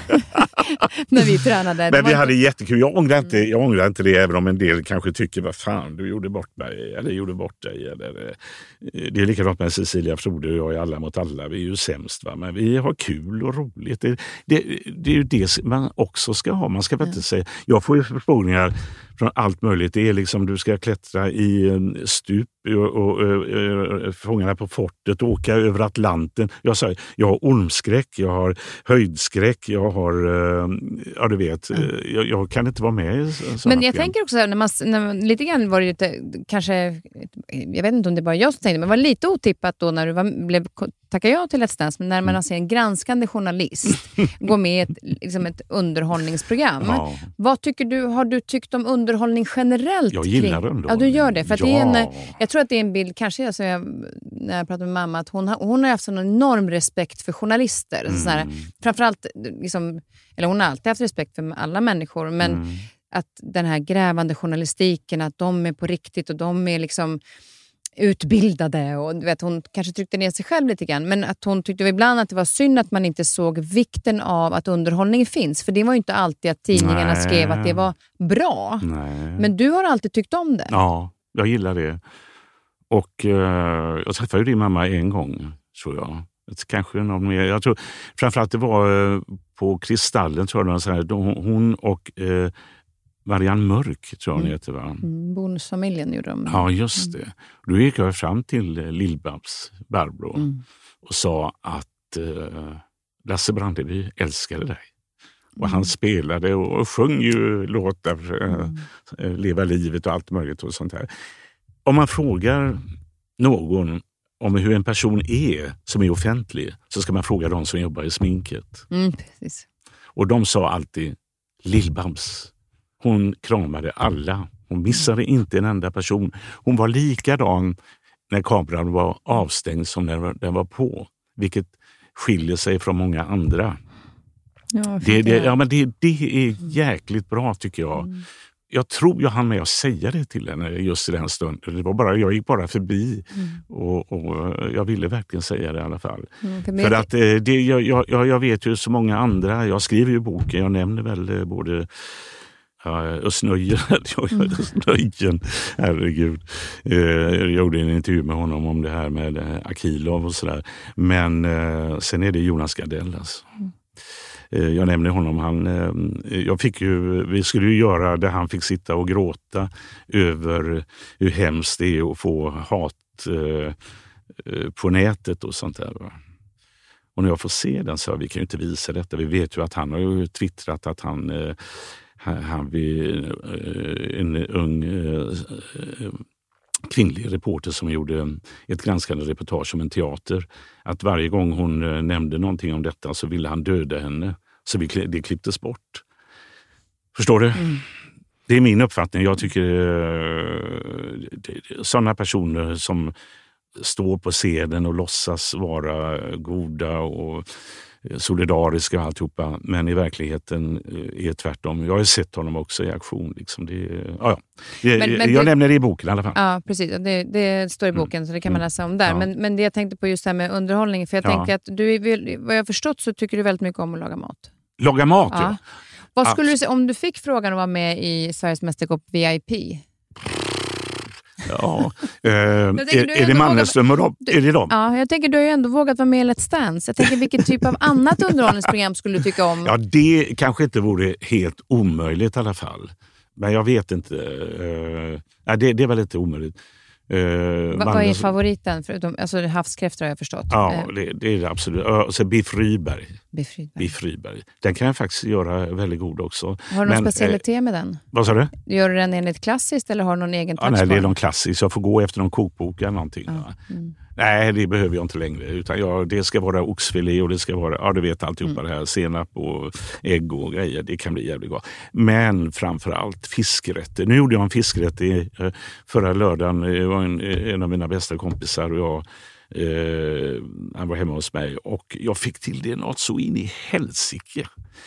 Min pappa var ju kock på Gripsholm under en kort period. Och han, mamma lagade aldrig någonting. Hon hade symöten och snittarna till och med gjorde min pappa. Men jag tror mamma sa att det var hon som hade gjort det. För han ville inte eh, att de skulle få reda på att, eh, att det var han som gjorde det. Det var så ovanligt att det var en man som lagade mat. Jag hade ju hela min uppväxttid Pappa gjorde alltid mat. Mamma kunde inte laga mat. Så den delen kanske du har fått ifrån pappa. Ja. Du pratar ju väldigt mycket Ja, om mamma, men där får du ju verkligen. in pappa Ja, ja, ja. i, i det. Om du skulle se tillbaka, för nu är alltså, att du är pensionär, det är ju Mm. liksom ingenting som du riktigt vill gå in i. Alltså, du jobbar ju fortfarande. ja. Du tänker inte ens på att Nej, det men, men, jag blev ju till och med vald det här året för årets senior eller någonting. Eh, Så jag fick en tröja tillskickad med det stod årets senior. Så de skulle fotografera och det var någon pensionärsorganisation. Och det är ju ingen, de frågar vill du bli det? Nej, vem- fan blir det? Vill du verkligen inte? Ja, ja men klart. Ja, ja, då- så skicka skjortan då. då eller? Men är det att man inte kan känna, känna igen Nej, sig det- i att det- man är där? Det, det är väl dubbelt, det är väl det att det är väl ingenting gott att bli gammal. Och det är väl också det här att eh, jag, vill, jag, jag har ju så mycket kvar och det, jag inser ju liksom att det här kommer att inte vara för evigt. Och det, det, det är naturligtvis tufft. Jag tycker jag känner att jag har så mycket annat och Ja. Men du ser lite stressad ut när man pratar om det. ja. Vad är, vad är, Ja, men det här det att du- eh, tänk att ligga och jag var ju hemma när Hannes var dålig i slutet, eh, bara veckor innan han dog. Alltså det var så, han trodde ju liksom att han fick ju cancer då. Och Han som du jobbade eh, med. eh, Hannes Rånstam, ja. Och han trodde ju liksom att han eh, skulle klara detta. Han hade hittat några forskare i Uppsala som nog kunde killa det här. Men det, det, hans, han var optimist. Han var aldrig optimistisk när vi jobbade. Han var alltid den som nästan bäsade och sånt där. Och det, det gjorde honom som, till den store journalist som han var. Men här var han optimist och det, när man ser det och så hade han olika som kom till honom och sånt där. Uh, det, det känns inte kul att vara så handlingsförlamad och inte kunna gå ut själv ens. och sånt där. Är det det du är rädd Ja, för? jag är jätterädd för det. Eller jätterädd. Jo, det är jag nog. Och det är ju därför jag är så rädd att gå till läkare. Jag vet inte vad, jag är orädd i andra sammanhang, men, men människan är väl komplex. Är det också att du har, dels har du ju barn som är, Ja. ja. yngsta är 18, Ja. men, men att man har så mycket kvar man vill göra, är det det som Ja, gör det är det väl. Att Att det är klart att jag har... Eh, och se mina barnbarn nu, är ju liksom, jag vill vara med och se dem växa upp och Mm. sånt där. Va? Och eh, nej men jag, jag känner ju att jag har mycket kvar att ge också, men det är väl en del också i jobbet att jag skulle vilja göra en del reportage framöver. Mm, det finns en nyfikenhet Ja, det kvar. gör det, det gör det.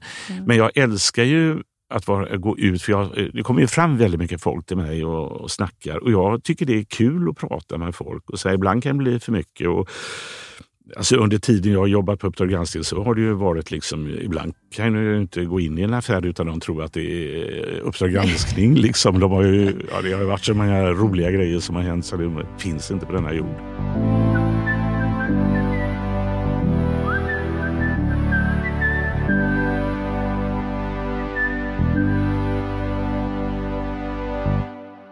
Jag tänkte på en annan sak nu innan vi börjar runda av. Det är ju när det gäller boken och din mamma. Mm, Fick du, för det är mycket du har fått reda på efter Mm. hon eh, gick bort. mm. Fick du fler svar eller fick du fler frågor kring henne? jag fick nog eh, mera svar. Att eh, jag hade nog på något sätt anat det. Men eh, hon kanske till och med... Hon, nej, hon har inte nämnt det så brutalt som det var. Men eh, då när min... Eh, min ena bror som jag inte kände till hörde av sig så levde mamma. Och jag sa mamma lever men hon är var inte eh, jättefräsch och sådär. Men hon lever så att du kontakta henne. Det ville han inte då. Nej, nej. Men då frågade jag henne så här att eh, det har ringt en person som heter så och så. Och, eh, han påstår att han lämnades också. Och du har aldrig nämnt honom mamma. Hur, hur är det med det? Och då skrattade hon bara. Så att hon, eh, men hon, hon hade väl blivit debil, eller inte debil utan senil heter det. va?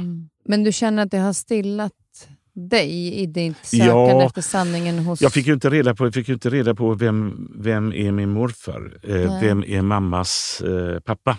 För det, hon har ju berättat lite grann om det. Och, men eh, vi fick inte fram det med DNA. Det finns, hon, hon skriver ju att det är en bruksherre i Värmland. Eh, där mormor var piga. Och då ingick det väl att man satte på pigan på något jävla sätt och mamma är en produkt av det. Så har jag fattat det och det ser ut som det är så men vi, vi kan inte fastställa det i alla fall och det är väl inte hela världen. Skitsamma. Det känns som att vissa saker får man lämna till Ja. när man inte når Ja, sanningen absolut, längre än så.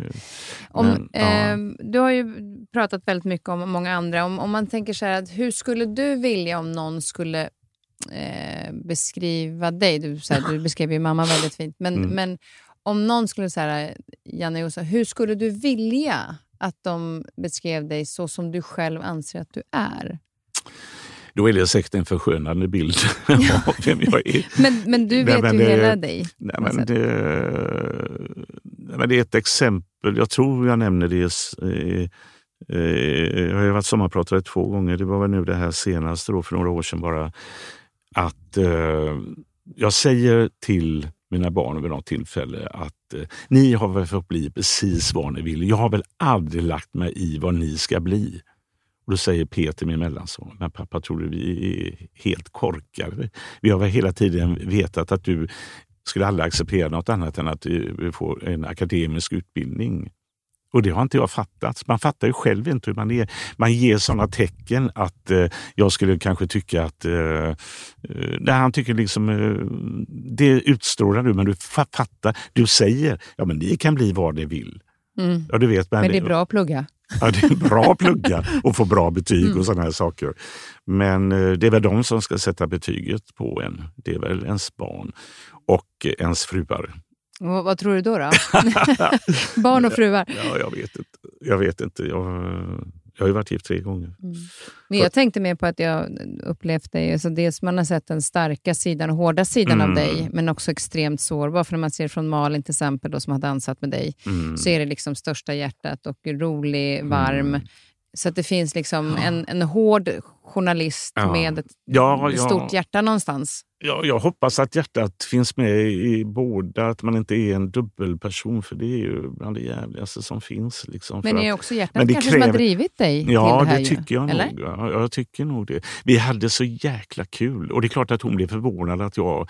Och jag kan ju dra skrönor och historier i, i, dagen efter dag efter dag. Liksom, och sånt där, va? Och vi hade varit ett roligt gäng. Va? Och det, vi, liksom, och Carola och jag, jag träffade ju henne på en presskonferens för 30 år sedan och blev, presskonferensen slutade och, och bara för jag ställde någon tuff fråga. Och det, jag berättade det för henne. Hon var hon var inte den div, jo kanske diva, jag vet inte vad är en diva, men vi hade jävligt kul. Mm. Vi hade Ja, hon är rolig. Ja, och även de andra. Vi, alltså det, det, det, det, jag kände det, att vi kommer att ha kul, nu gäller det att ha kul.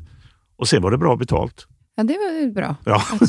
Du fick- men det jag tänkte på var, för när jag ställde den här frågan hur du vill att Mm. folk beskriver det, så var det att jag är också en Leon som är, som är Mm. också 18 år, kommit på här. mm. Att de är födda nästan samma månad.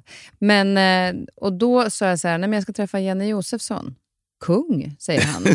och då blev jag så lite, för att han är 18 ändå och Mm. inte varit med då när du Nej, verkligen jobbade. nej. Eh, och då så sa jag, varför, eh, hur, varför beskriver du honom som kung? Ja, men det är väl han som har gjort den här så här mycket journalistik för rättvisa. Jaha. Och det är ju rätt intressant hur Mm, eh, han upplever det. mm. Han sa dock inte Let's Dance, han har ändå sett det där. Så att han Mm. kommer mest ihåg det. Och det tyckte jag var bara att just när någon plockade bara så här, Ja. han kunde inte jättemycket, men han, det hade han plockat. Att Ja. du har en drivkraft för rättvisa. Ja, Kan, det- du, kan du känna igen dig i det? Ja, det är klart jag vill känna igen mig i det och det är väl det, är väl det som på något sätt har drivit mig. Och, eh, alltså att vara dubbel, alltså om, om jag skulle varit en helt annan person än jag utger mig för att vara, eftersom alltså jag tycker det är så hemskt när det finns sådana, så är väl det kanske mera att jag är jag är ofta, folk känner igen mig som en väldigt upprörd, arg person. Liksom. Medan jag är ju inte det privat. Eh, jo, jag kan vara det också. Nej, men det är väldigt, jag är väldigt jag pratar, snackar historier, anekdoter hela tiden. Så här bygger upp eh, och, och älskar det. Och älskar att ha vänner omkring och älskar att ha fest ute på Åstol där och, och sitta och prata med goda vänner och sånt där. Så att, men det är klart att eh, jag märker ju det också på Leons eh, skolkompisar att eh, de vill höra av sig och ställa frågor. Och, mm, har, det finns ju en, en av de första tv-produktioner jag gör. Jag skulle göra om tre pojkar som eh, sköt ihjäl en taxichaufför i mitten på 80-talet men jag blev hotad då utav den som eh, fixade vapnet. Det finns hur mycket som helst att säga om de här killarna. Jag kom in i en miljö som var jätteintressant. Men då gjorde jag om Femmans spårvagn där jag själv är uppvuxen eh, som är eh, mellan Biskopsgården och Örgryte. Och är man uppvuxen i Biskopsgården så vet man att i Brunnsparken så byter det klientel. Örgryte är ju liksom det fina stället i Göteborg. Va? Och den, eh, det, fortfarande hör det av sig folk och det är 1987 jag gör den. Det är fast inte över 30 år sedan. Ungdomar, och de visar den på skolorna, framförallt i Göteborg, eftersom det utspelar sig i Göteborg. För den visade som en varning vad som håller på att hända och jag gjorde en uppföljning och man såg liksom att i Biskopsgården, ja de ville också bli någonting som de tyckte var fint. Jag skulle vilja bli pilot och sånt där. Men de åt upp drömmen i samma mening. Medan i Örgryte de skulle bli direktör. Inte för bara 100-200 utan multinationellt och sånt där. Och det blev ju så i verkligheten också. Och den största skillnaden när jag gjorde uppföljningen 20 år efteråt, eller 15 eller vad det är, det var när tjejerna blev med barn. I Biskopsgården hade alla blivit med barn innan de var 20, tjejerna. Medan den yngsta var över 34 år i Örgryte. Alltså det, och, och, det är ju de här klyftorna som har växt. Och jag hade ju tre riksdagsmän, eller en, en eh, kvinna och två män, men de var, satt i riksdagen. En moderat, en vänsterpartist och en sosse. Moderaterna och Vänsterpartiet såg att här började hända saker som inte är bra. Jag gjorde ju det här för jag ville varna för en utveckling. Den hade precis börjat då. Det går ner för, för Biskopsgården och sånt här. Medan hon, socialdemokraten, hon tog varenda björk som intäkt. Och här är lummigt och fint, här är ingen slum och sånt här. Och det där, den där förnäkelsen, den har följt med mig och liksom att nej men, förneka inte utvecklingen. Hur vi ska stoppa det, hur vi ska göra det bra, det är en sak. Det kan vi diskutera och vad som är bäst och sånt där. Men det, det är det som lägger sån tung filt över vad vi gör nu. För det har gått för långt för att kunna säga att så här gör vi bara. Men det är precis som du säger, att eh, sätta in alla klutar. Satsa på de här verkligen som eh, brinner för det här. Ge dem resurser.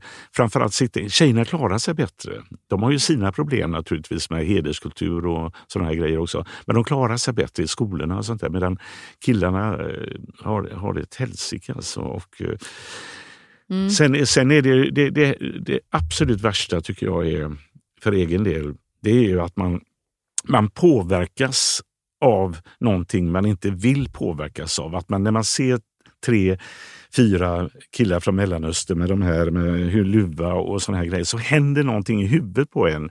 Egentligen skulle man säga hej killar, vad gott att se er. Men så säger man kanske, man säger ingenting utan man blir lite skraj. Va? Det där är farligt. Ja, är farlig. Det där är jättefarligt mm. för att eh, det känner de av också mm. och, och, och, agerar tvärt. Där kommer det, ja, där är de vita, där de får göra så och så. Och så. Det, där, det är det vi har byggt upp under de senaste 20-25 åren.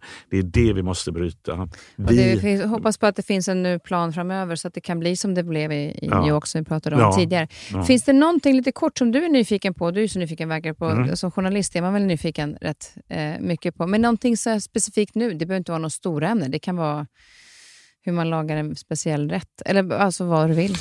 Någonting som du tycker är intressant eh, Som jag är nyfiken nu? Ja, det är väl, eh, kommer tåget, eh, kommer jag hem i tid ikväll eller inte?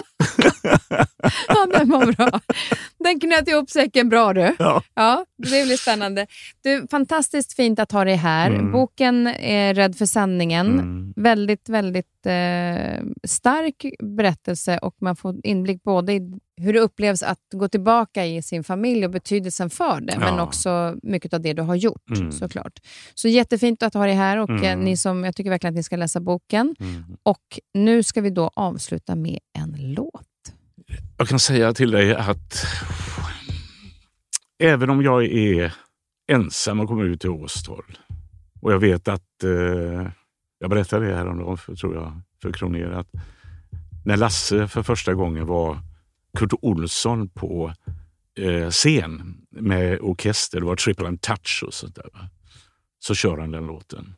Och det är Leva livet med Lill-Babs. Den där är så fin.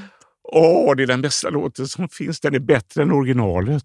Ja, Vad heter så... originalet? Det heter uh, It's My Party. It's my party ja. Yeah. Den är så jäkla bra. Men det är så fint. Jag har hört att du har pratat om den. Jag läste ja. om det i Svenskan och jag ja. hörde att du, du, spelade den i sommarpratet. Vad är det med den låten som... Det är, dels är det ju uh, det är ju de här inspelningarna på drop-in eller vad det heter i tv när hon gör den. Din mamma gör den, det är ju en sak. Va? Och när Beatles är där och sånt här. Jag tror det är då hon gör den också. Och sånt här. Men sen är det också att eh, alltså det är, mm, den och Anita Lindbloms Sånt i livet. Mm.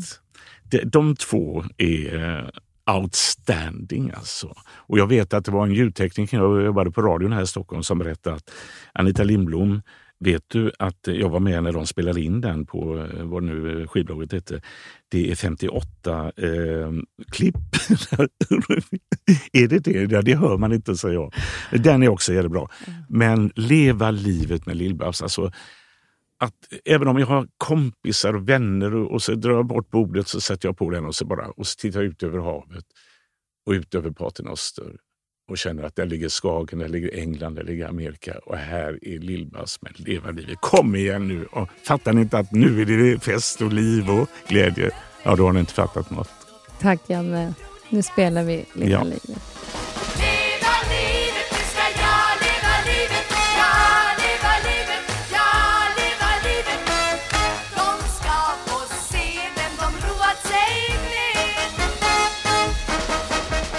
I nästa vecka träffar jag podcastaren, föreläsaren och författaren Nemo Hedén. Han har nyligen kommit ut med boken Beroende, en bok om missbruk och vad det gör med oss och de vi älskar. Vi pratar om hans stökiga uppväxt där han var medberoende som barn och saknade helt självkänsla med en pappa som var i missbruk. Om hans egna liv med droger och alkohol och hur han kom ur det, för idag har han varit nykter i sju år och han är tvåbarnspappa. Från att vara totalt nere i knarket lever han idag ett drömliv med sina två döttrar. Missa inte nästa veckas avsnitt.